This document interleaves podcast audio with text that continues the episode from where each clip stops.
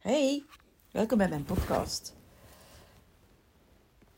Mocht je hier binnenvallen, ik ben Lieve van Winningen, ik ben uh, therapeute en ik help mannen en vrouwen bewuster te worden over wat dat ze denken, voelen en doen.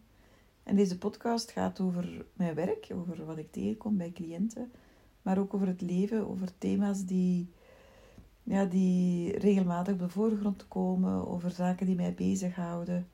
En ehm, de podcast dient, natuurlijk ook om jou bewuster te maken of te laten stilstaan, op zijn minst, bij, bij wat ik vertel en ja, bij wat er allemaal op jou afkomt en, en hoe dat, dat in jouw leven een, eh, rol speelt. Vandaag wil ik het hebben over rouw. Ehm, ik ga dat een beetje vanuit twee invalshoeken doen. Enerzijds vanuit mijn werk als therapeute. Ik denk dat ik al heel veel rouwprocessen begeleid heb van allerlei um, aard. Ehm, ouders uh, die gestorven zijn, kinderen die gestorven zijn, um, zussen, maar ook ja, levend verlies, zoals dat, dat heet. Hè. Dat is ook waar mijn... Uh, mijn praktijk de eerste tien jaar heel erg over gegaan heeft. Levend verlies is, is uh, iets wat je kwijtgeraakt. Daarom niet per se um, iemand die sterft. Maar bij het moeder worden is er ook um, zeker levend verlies. Hè, want je, je wordt wel moeder, je krijgt een kind. Maar je verliest ook veel. Hè. Je verliest je vrijheid, je lichaam, je relatie verandert. En dat verandert eigenlijk heel veel. En zo zijn er nog een aantal... Um, situaties in ons leven hè, waar we in het rouwproces terechtkomen zonder dat er echt iemand gestorven is. Denk aan maar aan bijvoorbeeld, eh, stel dat jouw kind de diagnose krijgt van ASS of ADHD of welke diagnose dan ook. Ehm, ja, dan kom je ook in een rouwproces terecht. Want waar het eigenlijk over gaat, is dat je ja, dat je, je een bepaald beeld los te laten hebt. Hè. Je, hebt, je, hebt er, je gaat rouwen over een bepaald beeld. Um, en de toekomst die er anders uitziet. Um, bijvoorbeeld bij een scheiding komt ook heel vaak een rouwproces. Dus voor mij is rouwen een verlieservaring. En dat is heel ruim. En ik denk dat, dat, dat we vaker in een rouwproces terechtkomen dan we zelf beseffen. Denk maar aan veranderen van werk. Ik denk ook dat dat absoluut een rouwproces is. Of stel dat jouw zus gaat scheiden en je ziet die schoon, hè, jouw schoonbroer minder. Dat is ook, is ook een rouwproces. Um, maar ook ja, kinderen die bijvoorbeeld het, uh, het nest verlaten, kan ook een rouwproces zijn. Er zijn eigenlijk zoveel rouwprocessen in een leven, volgens mij, dat, ja, dat het goed is om daar meer zicht op te krijgen. Waaraan, uh, waaraan kan je dan merken dat je in een rouwproces terechtkomt? Wat is er zo typisch aan een rouwproces? Uh, welke fase kan je tegenkomen? Hoe voelt het? Uh, en wat kan er helpen, uiteraard. Dus dat is vanuit de ene invalshoek waaruit ik wil deze podcast opvatten.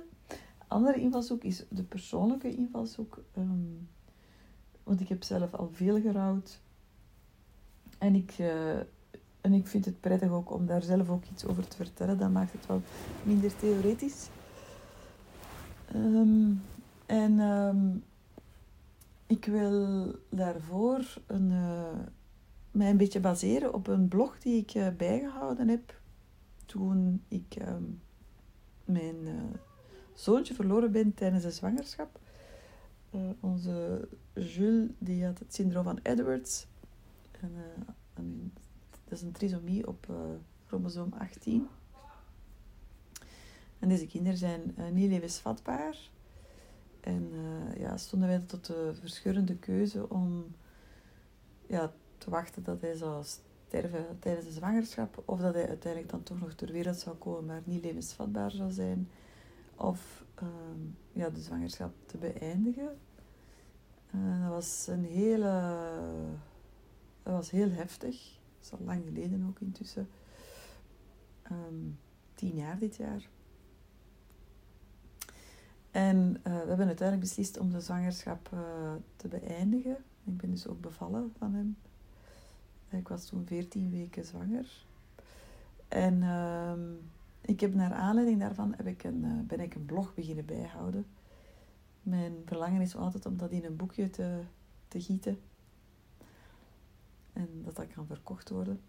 Want ehm, het is, ik vond die blog beschrijft heel mooi, vind ik, uh, bepaalde fasen van het rouwproces. En ehm, ik ga daar mij een beetje op baseren om, ehm, om een verhaal, een coherent verhaal te vertellen. Zo, Kubler-Ross um, vindt haar naam zeker op Google, Kubler-Ross, Kubler, K-U-B-L-E-R-Ross. Heeft heel veel geschreven over rouwen. En vroeger dachten we dat de rouw, uh, dus een verlieservaring, ik ga het even de verlieservaring noemen, een verlieservaring, de verwerking daarvan, dat dat een heel um, vast patroon had.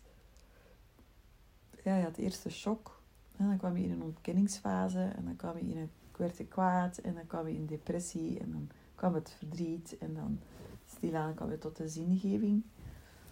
En we dachten vroeger dat het een lineair proces was. Daarmee bedoel ik dat je de ene fase na de andere meemaakt. Maar intussen zien we dat dat eigenlijk totaal niet zo is. Hè. Rouwen, en ik denk dat dat heel um, typerend is aan rouwen, is dat dat heel uh, grillig verloopt. je kan van het ene uiterste in het ander, andere uiterste gaan. Je kan van, um, van angst naar verdriet gaan, van verdriet naar kwaadheid, van kwaadheid naar de ontkenning. Van de ontkenning in de depressie, vanuit de depressie terug naar iets anders. Dus dat is heel grillig. En dat maakt het ook heel, uh, heel vermoeiend. En de, ja, de, de, het, het vermoeiende daaraan is dat je het gevoel hebt dat je in een rollercoaster zit. Hè. Het is die rollercoaster die het heel zwaar maakt. En die jou heel erg uitdaagt tot de overgave. Ik denk dat de overgave enorm, ehm, enorm belangrijk is bij rouwen. En daarmee bedoel ik niet dat het, dat het dan dat het moet worden, maar wel dat je er niet tegen verzet. Ehm, want als je meer en meer kan meegaan op, uh, op, die, op die emoties, hè, dat is, uh, ik, uh, in mijn blog beschrijf ik het een beetje als dansen. als je op een dansvloer staat, dan is het van het ene liedje naar het andere. En een slow en een rap nummer en een traag nummer en een beetje sneller nummer. En, en je gaat eigenlijk van het ene nummer in het andere over. En je staat daar niet bij stil. Hè. Je denkt van, hm, dat is nu raar, nu komt er een traag nummer. Allee, soms kun je dat wel bij een slow. maar uh, ja, je, gaat, je zit in je lijf en je gaat daar mee. En ik vind dat bij rouwen ook echt wel heel uh, ja, helpend, is dat je jezelf daaraan kan overgeven. Dus rouwen is een beetje als, als dansen. En uh, doordat, doordat je meer en meer daaraan kan toegeven, uh, hoe meer dat je jezelf de kans geeft om echt in die, in die te gaan voelen wat het met jou betekent. Uh, ik zal ook nooit vergeten dat Connie Palme schrijft in een van haar boeken: rouw is als verliefdheid zonder antwoord. Het is de verscheurdheid die zo verschrikkelijk is bij rouw vaak. Hè? Je, ja, je, je, voelt je echt in twee gescheurd of in, of in honderd stukken gescheurd zelfs. En, en er is altijd de, het spanningsveld tussen hè, vooruit te willen, maar als je voelt ook eerder als je vooruit gaat, dat je verder weggeraakt van, van, van wat dat je kwijt bent geraakt. En zeker bij iemand die gestorven is, uh, is dat heel erg voelbaar. Want je hebt het gevoel dat hoe, hoe meer dat je vooruit geraakt, ja, hoe verder dat die persoon uh, in de herinnering komt. En dat wil je natuurlijk niet. Hè. Je, je, wilt, je wilt wel vooruit, maar eigenlijk wil je het niet. Hè. Want je voelt ook dat uh, als je meer het leven terug oppakt, hè, ja, dat, dat er iets verandert in de positie die je inneemt ten opzichte van wat dat je kwijtgeraakt bent of wie dat je kwijtgeraakt bent. En um, ik denk zo leren leven met zo'n verlies is, uh, is echt iets uh, vallen en opstaan. Um, en in het boek van um, Tomijs, ik weet niet dat, hij, of dat, ik, dat ik het uit, juist uitspreek, maar het, het boek heet Schaduwkind. Um, staat de tijd uh, heelt niet, maar de tijd vertraagt. En uh, ik denk dat dat ook uh, vervaagt, pardon, de tijd vervaagt. Ik denk dat het ook heel erg waar is. Um, de herinneringen vervagen gewoon. En omdat de herinneringen vervagen, doet het gewoon minder pijn. En, um, maar het blijft gewoon altijd deel van jou. Het is, ik geloof helemaal niet um, als therapeut, ik geloof helemaal niet dat je dat een plekje te geven hebt of dat je dat te verwerken hebt. Of, ik, uh, ik ben daar redelijk. Um, uh, ik ben daar een beetje. Uh, pragmatisch is niet het woord, maar realistisch in geworden. Ik denk dat sommige verliezen. Ja. Dat blijft altijd een litteken. Als ik bijvoorbeeld denk aan, aan mensen die een, kind verloren zijn. Ik ben zelf een kind verloren, maar dat voelt wel anders hè, dan. Uh, ik ben daar ook, ook realistisch in. Hè. Een, een kind verliezen uh, hè, dat je hebt zien opgroeien, uh, is van een totaal andere orde dan een kind verliezen zoals, zoals wij gedaan hebben. Um, ja, ik vind. Ja, ik heb, ik heb Jules nooit zien rondlopen. Ik heb hem nooit in de ogen gekeken. Die band was heel pril nog. Um, ja, dus ik maak mij daar geen illusies over dat dat van een totaal andere orde is. Ik heb ook ik heb heel veel verdriet gehad daarvan. Um, maar ik mag er niet aan denken dat mijn kinderen hè, die, die rondlopen, dat die sterven. En Jules is natuurlijk een kind van mij, maar ook dat is op geen enkele manier te vergelijken met, um, met de band die ik met mijn eigen kinderen heb. En uh, dus ja, ik geloof eigenlijk niet dat, dat, al die, dat dat allemaal dat, hoe, kun je dat in hemelsnaam uh, uh, verwerken, zoiets? Hè? Dat is gewoon iets wat dat bij u blijft, maar de tijd polijst de pijn. Hè? De, de, de, scherpe kantjes gaan er, gaan er wat vanaf. Um, ja, je, het, het, het verdriet hè, spreekt niet elke, elke keer uh, in de ogen. Hè? Die triggers, om het woord toch eens, nog eens te gebruiken, worden een pak zachter.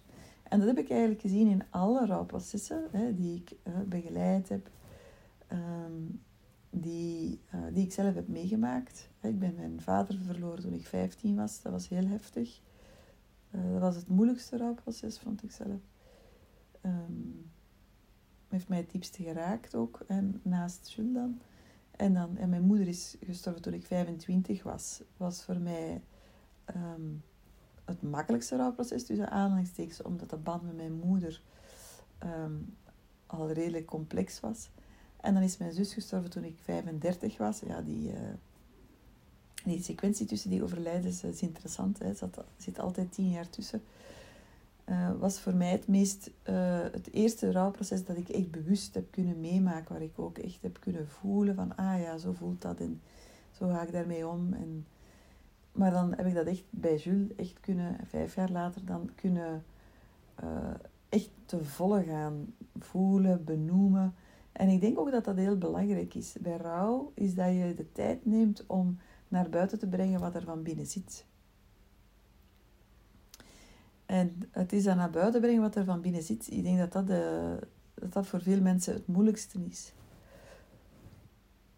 Want weet je, zo als iemand sterft, Um, of je maakt iets ergs mee, hè, waardoor je verlieservaring hebt. Bijvoorbeeld, je krijgt onverwacht jouw ontslag bijvoorbeeld. Hè. Dat is ook een, uh, komt ook een rouwproces bij kijken vaak. Ja, de eerste weken zijn mensen daar wel mee bezig. Maar ja, ik lees ook in mijn blog, hè, na een paar weken, een paar maanden... Mensen zijn zo, ja, zijn, ook, zijn zo bezig met hun eigen leven ook. En dat is ook volstrekt menselijk en, en tussen aanhalingstekens normaal. Maar uh, ja, dus in het begin kan je je verhaal nog heel erg kwijt, maar gaandeweg heb je een andere manier nodig waarop dat je dat, waarop dat, je dat kwijt kan. Dus het is belangrijk dat je naar buiten kan brengen wat dat je voelt. Want natuurlijk zit er in een rouwproces altijd een depressieve fase. Bijna altijd. Ik zeg nooit altijd, maar bijna altijd. En... Ehm, Maar als je hè, dus echt de depressieve fase, gevoelens, neerslachtigheid, zo, dat hoort er eigenlijk bij. Dan kan het ook heel erg donker worden, donker worden maar daar kom ik zelfs op terug. Ehm, maar het punt is, als je niet naar buiten kan brengen wat er van binnen zit, dan kan je echt in een depressie terechtkomen. En dat heb ik heel erg gemerkt bij mijn vader. Ik was 15. Het verlies van mijn vader was enorm heftig. Is ook heel snel gegaan. Op drie maanden tijd is hij gestorven van kanker. Uh, en ik had een hele hechte, nauwe, bijna symbiotische band met mijn vader. Ook al was ik al 15. We hingen erg aan elkaar. Uh, er was een sterke afhankelijkheid tussen ons. Dus, ja, dus het was dus echt eh, dat was echt tragisch voor mij dat hij gestorven is. Ik heb hem dan ook helemaal afgesloten. Ik kon niet meer delen. Ik was echt volledig in vries, bevroren. En dat heeft mij ook echt naar, naar een hele donkere diepte gebracht. En ehm, ja, ik vergelijk een depressie altijd zo met een stilstaand meer.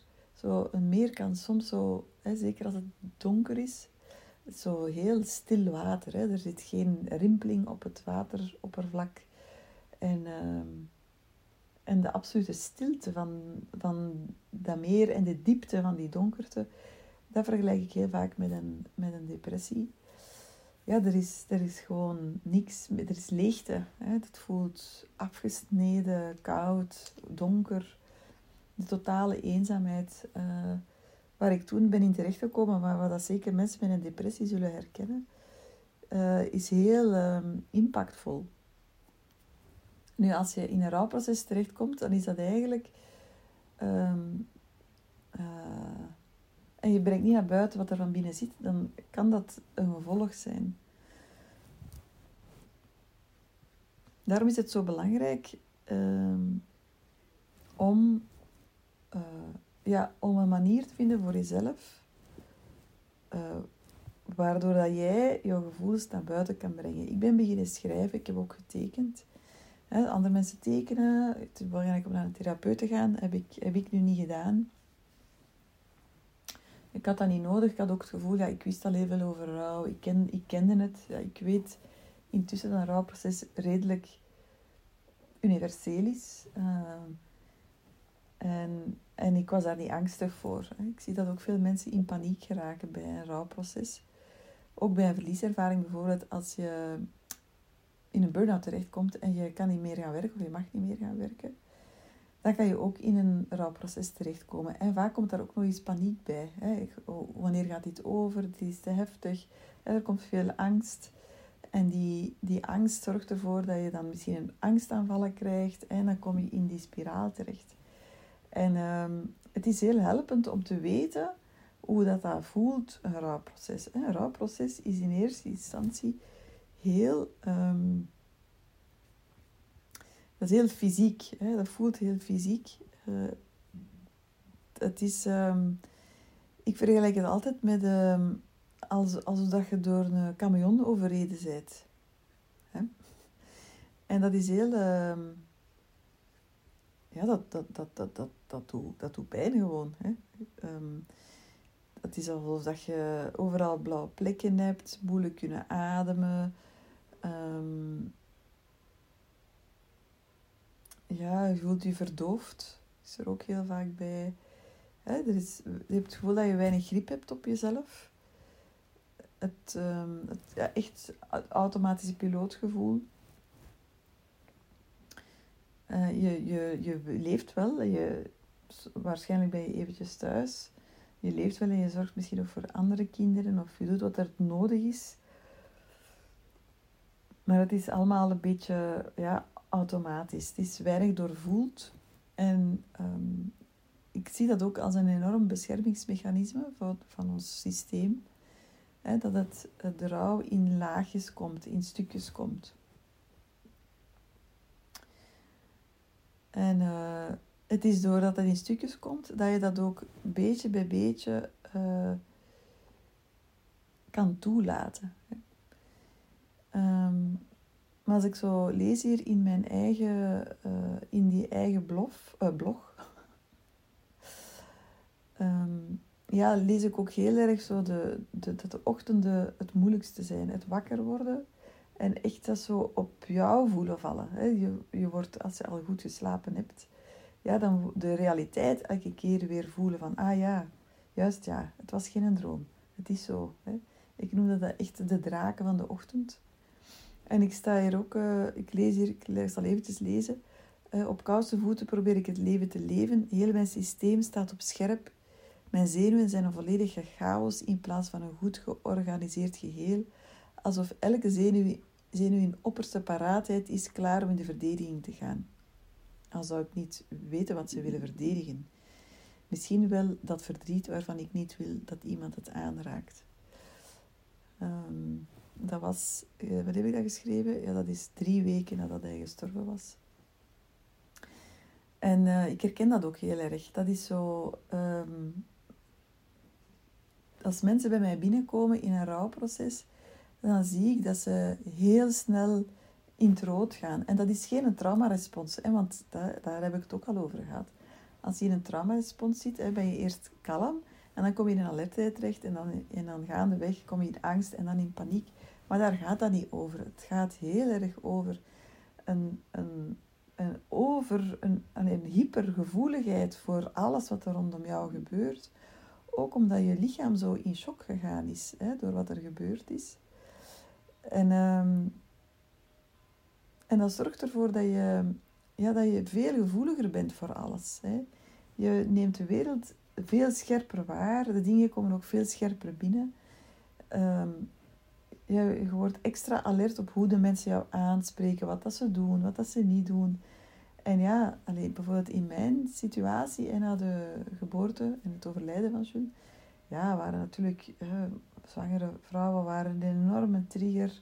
Werd ik heel verdrietig van, maar ja, jonge, jonge jongetjes van een jaar of twee, dat, dat raakte mij ook altijd nog altijd heel erg. En dus, dat is logisch, hè. Je, je, brein is dat vol, volop aan het, uh, aan het verwerken. Hè. Rouwen is ook echt een, een, matter of the brain. Uh, die, het doorkniepen van die emotionele verbinding, hè, dat, duurt ongeveer twee jaar. Ook na het verbreken van een relatie trouwens, is ook een rouwproces. Hè, dus het, we zien dat gemiddeld een rouwproces twee jaar duurt. Um, dus ja, het is belangrijk dat je dat beseft. Want soms uh, zijn er verschillende rouwprocessen die tegelijkertijd bezig zijn. Stel dat je iemand verliest, stel een van je grootouders sterft. Je verandert van werk drie maanden nadien. En vijf maanden later, hè, dat is dan acht maanden nadat je grootouder gestorven is, vijf maanden nadien verhuis je. Dat zijn eigenlijk drie rouwprocessen op één jaar. Maar dat is, eigenlijk is dat te veel. Je systeem kan eigenlijk maar twee live events aan op één jaar. Maar we staan daar te weinig bij stil. We verwachten zoveel van ons zenuwstelsel. En, en, en daar zit een limiet op. Dus als ik soms zie waar dat mensen allemaal mee bezig zijn, en, en ik zeg dan maar, wacht eens even, eigenlijk zijn dat vier rouwprocessen op één jaar. Uh, uh, geen, geen verrassing dat je dan uitvalt op het werk. Of geen verrassing dat je je heel moe voelt. Of geen verrassing dat je, hè, dat je libido naar beneden gezakt is. Of uh, geen verrassing hè, dat er zoveel discussies zijn. Of geen verrassing hè, dat je voor niks nog energie hebt. Dus ja, ik ben heel erg voorstander om um, ja, dat meer in de openbaarheid te brengen. Van, maar wacht eens even, wat ben je eigenlijk aan het doen? Hè? Is het noodzakelijk van deze stap op dit moment te zetten? Want dan kom je terug in een rouwproces terecht. Dat is terug aanpassen. En we zijn als mens flexibel, maar we zijn ook niet uh, oneindig flexibel en veerkrachtig.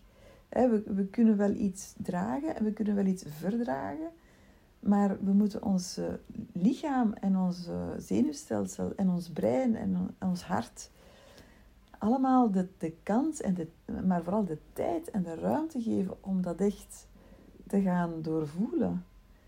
En ehm, als je daarvoor te weinig tijd neemt, of zelfs geen tijd voor neemt, zoals zo vaak gebeurt, ja, dat, dat zettelt zich in je systeem en je gaat daar gaandeweg de prijs voor gaan betalen. Je gaat meer ziek worden, ehm, je gaat je moe en uitgeput voelen. Dus het is echt belangrijk dat je, ehm, dat je daar de tijd voor neemt en dat je je beslissingen durft uh, uit te stellen. En um,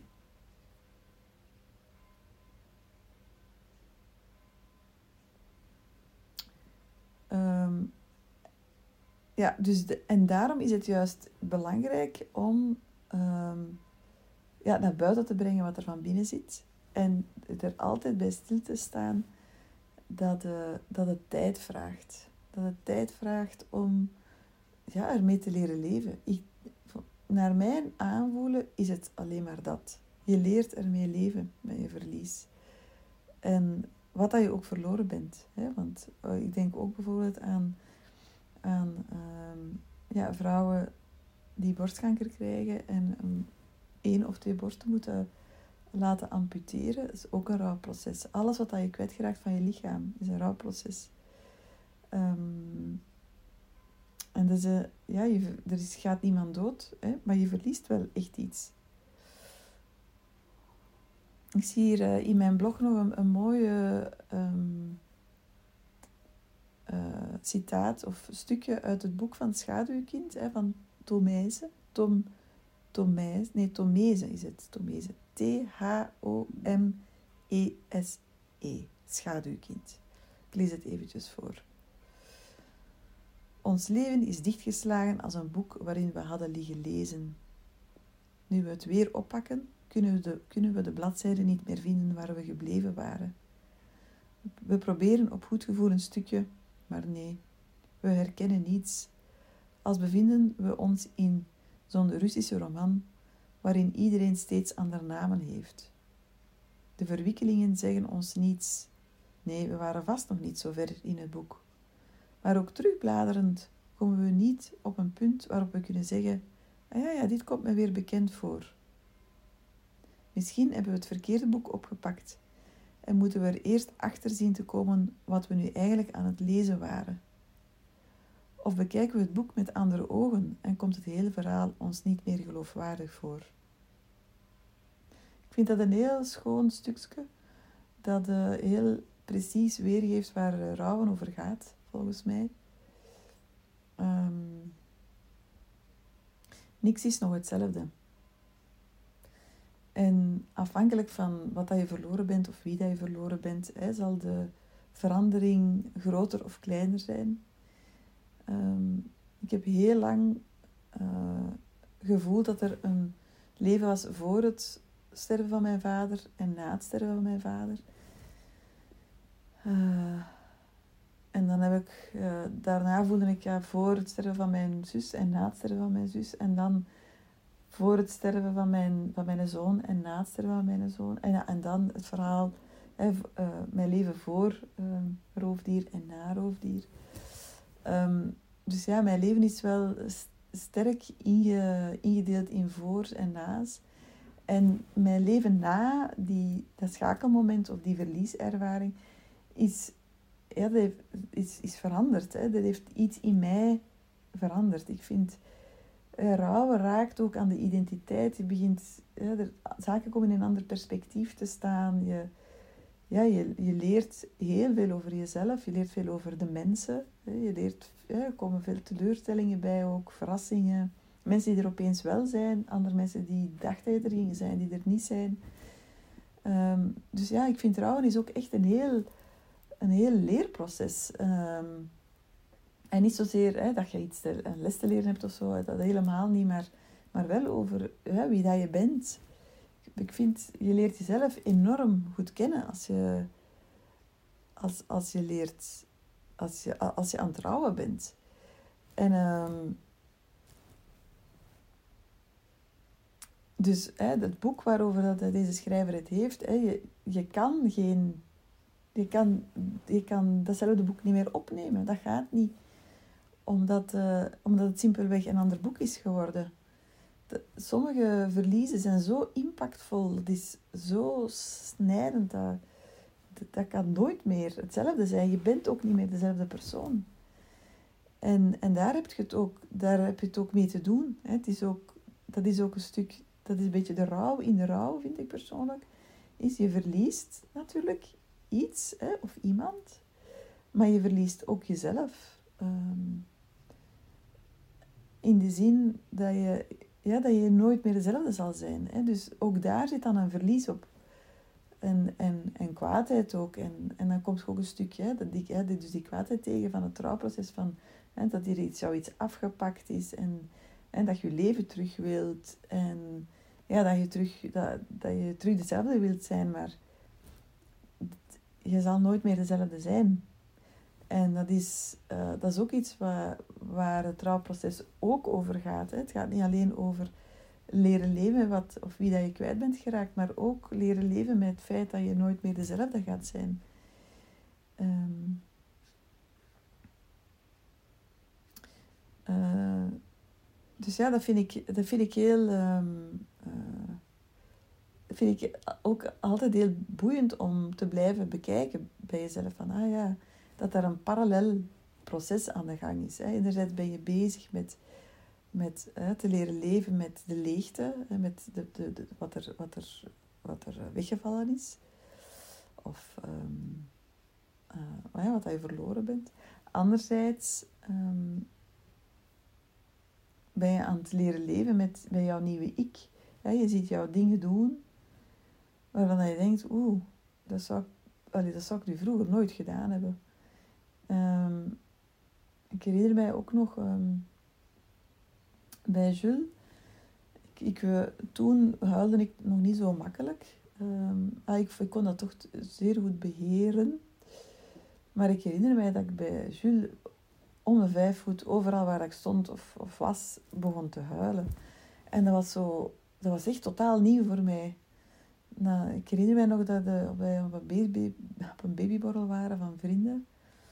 En zij was bevallen, uh, ik geloof twee maanden voordat dat wij moesten bevallen. Dus ongeveer ja, drie maanden nadat ik bevallen was. Maar ingewikkeld. En uh, ik was er eigenlijk goed naartoe gegaan, naar die babyborrel. Maar ja, ik ben daar toch in tranen uitgebarsten. En dat was... Ik dacht van, oh ja, is, is, dit, nu, hè, is dit nu de nieuwe ik? En dat slijt natuurlijk ook wel. Hè. Daar komt toch terug een laagsknop. Hè. Daar komt terug een, schoon over. Hè, zodanig dat dat toch minder scherp wordt allemaal. Maar uh, ja, dat heeft in mij wel iets, iets veranderd. En niet zozeer dat ik dan voelde van... Oké, nu, nu, kan ik, nu kan ik overal wenen. Of kan, hè, maar ook ja, hoe dat er mensen daarop reageren. Hè. Er worden toch nieuwe imprints gemaakt op zo'n moment. En dat is, dat is, dat is mooi. Dat is mooi. Hè? Rouwen is ook... Ik vind rouwen super waardevol. Omdat... Uh, ik vind dat zelf de meest waardevolle processen in mijn leven. En als je zelf gaat kijken naar jouw eigen rouwprocessen, de verlieservaringen die je gehad hebt in je leven, het is ook heel inzichtelijk om deze op te schrijven. Hè, hoeveel dat je eigenlijk al gerouwd hebt zonder dat je het goed en wel beseft. Um,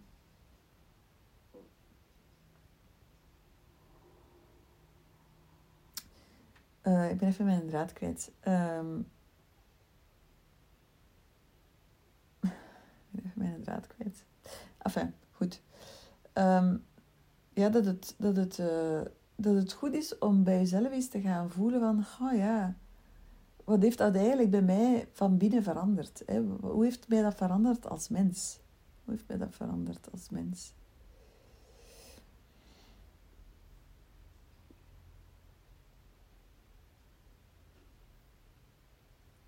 Um, wat is er nog zo typisch aan, aan rouwen, vind ik zelf? Is uh, het naar binnen keren vind ik zelf ook heel typisch. Eh, want uh, je moet naar buiten brengen wat er van binnen zit. Maar tegelijkertijd vind ik rouw ook heel vaak een heel... Uh, ik vind het best eenzaam. uh, je hebt het ook, je, hebt veel, je kan veel delen. Maar tegelijkertijd zijn er ook momenten dat je echt ook dat je er heel alleen voor staat. En het naar binnen keren ehm, is ook heel waardevol, hè? omdat je natuurlijk, er komt een soort moment van stilstaan, vertragen. Uh, ja, het brengt van binnen veel teweeg. Hè. Er gebeurt veel emotioneel. En hoe beter dat je met emoties om kan, uh, hoe makkelijker het wordt volgens mij. Ik zeg het ook heel veel bij mijn moeders die ik begeleide en die ook er, er echt rouwden om, om wat dat ze kwijtgeraakten, hun, hun lichaam of hun relatie of uh, de vrijheid die ze kwijt waren geraakt. Die kwamen echt zo in de moederrouw terecht. Um, ja, hoe beter dat zij uh, konden omgaan met hun emoties en ze konden benoemen, hoe makkelijker het eigenlijk werd. Maar het naar binnen keren is, uh, is, was, was een terugkerend feit. Hè. Mensen worden stil, vertragen, gaan ook langzamer bewegen. En er, er komt een soort van af, afsluiten van de wereld. Simpelweg ook omdat een diepe verlieservaring is ook, vind ik zelf, een heel spirituele ervaring. Het zet u, zelf, het zet u ook open, opener. En de wereld komt ook veel verder binnen, dus je gaat jezelf ook een beetje ehm, beschermen. En ik, ik zie hier ook in mijn, in mijn blog dat ik schrijf, uh, ik ga gordijnen op aan de straatkant, zodat niemand kan binnenkijken in onze kokon. Ik doe geen pottenkijkers in dit proces, in dit leven. Ik wil dat niemand kan zien hoe we onze avonden doorbrengen, niets doend.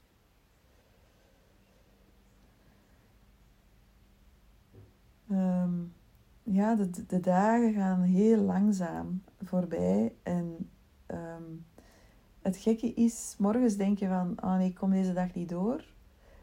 En s'avonds besef je van, ah, het is toch weer een dag voorbij. Hoe heb ik dat hier, hoe heb ik dat hier in hemelsnaam gedaan?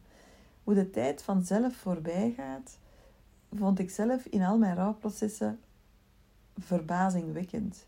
Want allee, als je iemand verliest of je maakt iets heel ergs mee, de tijd gaat, voelt, het voelt echt alsof de tijd stilstaat. De, de tijd staat stil en de wereld rondom jou draait door. En ehm, ik vond het altijd heel verbazingwekkend ja, hoe dat alles gewoon door blijft, bleef gaan. de bakker die open gaat, de supermarkt, het nieuws, uh, de kinderen die naar school gaan. En je brengt je kinderen ook naar school. En ja, dat, dat je dat toch blijft doen, ondanks het feit dat deel je binnenkant ondersteboven, binnenste buiten gekeerd is. Hè. Dat je voelt alsof je onder een camion gelegen hebt. En dat je niet weet waar kruipen van ellende. En dat die dagen toch voorbij gaan. En ik herinner mij ook heel goed, uh, zeker bij Jules, maar ik weet dat ook nog van bij mijn vader, is dat, uh, dat ik echt verbaasd was dat daar niks over te, van te zien was op televisie of in de kranten of zo. Of dat dat niet werd afgeroepen of dat er geen auto door de straat reed om dat aan te kondigen. Ja, er is een sterke tunnelvisie in die eerste maanden. Dat beheerst zoveel van, van het leven, van je brein ook. Je bent daar zoveel mee bezig, impliciet of expliciet. Daardoor komt het ook dat veel mensen zo moe zijn natuurlijk als ze aan het trouwen zijn. Het vraagt echt heel veel van je systeem om om dat te processen. Hè? En diepe emotionele processen zijn vermoeiend. Dat is, dat is nu eenmaal zo. Dus het is in die rouw ook echt, echt heel belangrijk dat je, uh, dat je goed voor jezelf zorgt. Echt. Dat is, rouwen is voor mij echt topsport. Uh, ik ben er helaas al aan gewoon. I, I know the drill, helaas. Um, maar gelukkig ook. Ik weet heel goed wat ik moet doen als ik een verlieservaring heb. Eh, goed voor mezelf zorgen. Eh, zorgen dat ik goed eten heb. Niet suiker en zo, maar dat ik gezond kan eten. Dat ik veel water drink. Zodat dat mijn lichaam eh, voldoende vocht binnenkrijgt. Veel met water bezig zijn. Dat laat het goed stromen. Ehm, veel gronden, enorm veel gronden, is zo belangrijk. Op de grond gaan liggen laag bij de grond zijn, onkruid uittrekken, ehm, op de grond zitten, hè, die dingen allemaal. Echt goed, hele, hele goede zelfzorg is zo belangrijk bij rouw. omdat je dat nodig hebt om jezelf verankerd te voelen met de, met de wereld, met met het leven ook. Hè? Dat je niet gaat zweven. Um, en, en, en maakt dat het verdriet minder? Nee, dat maakt het verdriet zeker niet, niet minder. Um, want rouwen is echt, echt pittig. En ik lees hier in mijn, uh, uh, in mijn, in mijn blog dat mensen zich, doordat ik daarover schreef, mensen uh, lazen mijn ups en mijn downs. En waren soms echt bezorgd, omdat ik ook soms echt geschreven heb van, ja, eigenlijk wil ik er niet meer zijn. Hè. Ik, wil, ik wil naar mijn kind. Dat is ook wel heel heftig om dat terug te lezen. Maar ik schrijf ook, rouwprocessen zijn draken. Het gaat met, ik lees eventjes voor, het gaat met ups en downs. En het rouwproces neemt een loopje met mijn emoties. Elke dag is weer anders. Ik ben geen baas meer over mijn eigen gemoed of stemming. Zelfs als ik het zou willen, dan nog kan ik er niet voor kiezen hoe ik mij voel. Het verdriet kan soms heel erg heftig naar boven komen. Maar een minuut later kan het alweer, alweer voorbij zijn. Er zijn dagen dat ik mij hele dag uber triest voel. Dagen dat ik alleen s'morgens droevig ben. En soms enkel op het moment dat ik Jules zijn kaarsjes aansteek. Maar evengoed werk ik elke dag met cliënten, ben ik een liefhebbende moeder, vrij ik met mijn man, lach ik mij met tot tranen om een goede mop, kan ik dansen tot vier uur s morgens en voel ik mij fysiek beter dan ik mij in jaren heb gevoeld. Ehm, je, ja, je hoort daarin dat de, de wispelturigheid is enorm groot.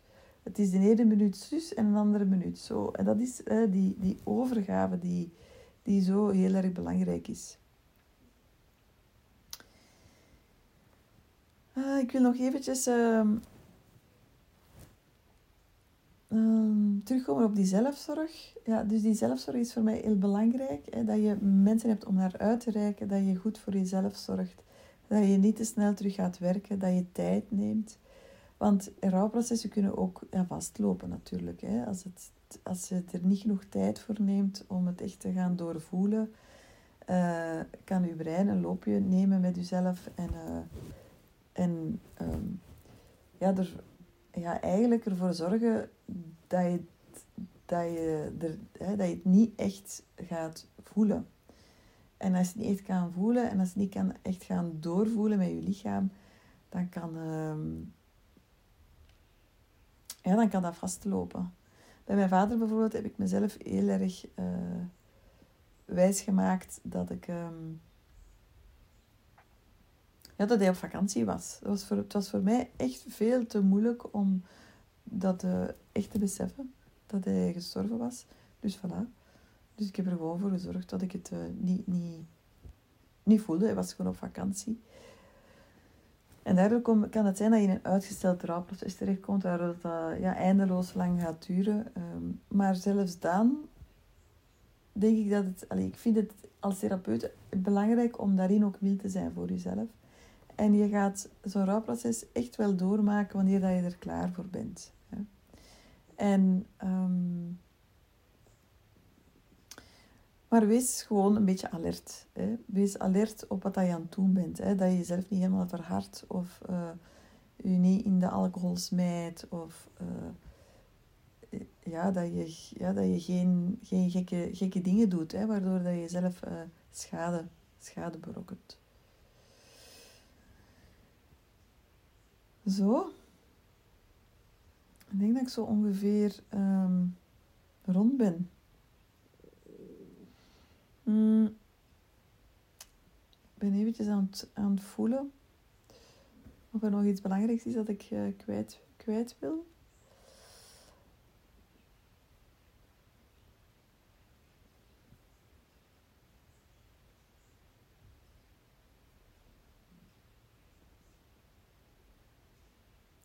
Wil misschien eindigen met, het laatste, met een laatste uh, citaat uit Schaduwkind. En dat zegt, um, de tijd heelt, wordt ervan gezegd. Maar dit moet zijn, de tijd herhaalt. Het is een herhalingsoefening. Je doet hetzelfde net zo lang, net zo lang totdat je vergeten bent hoe het eerst is geweest. Zo. Dankjewel om te luisteren naar deze podcast. Ik hoop dat je er um, veel uitgehaald hebt. En uh, ik hoor jou heel graag morgen.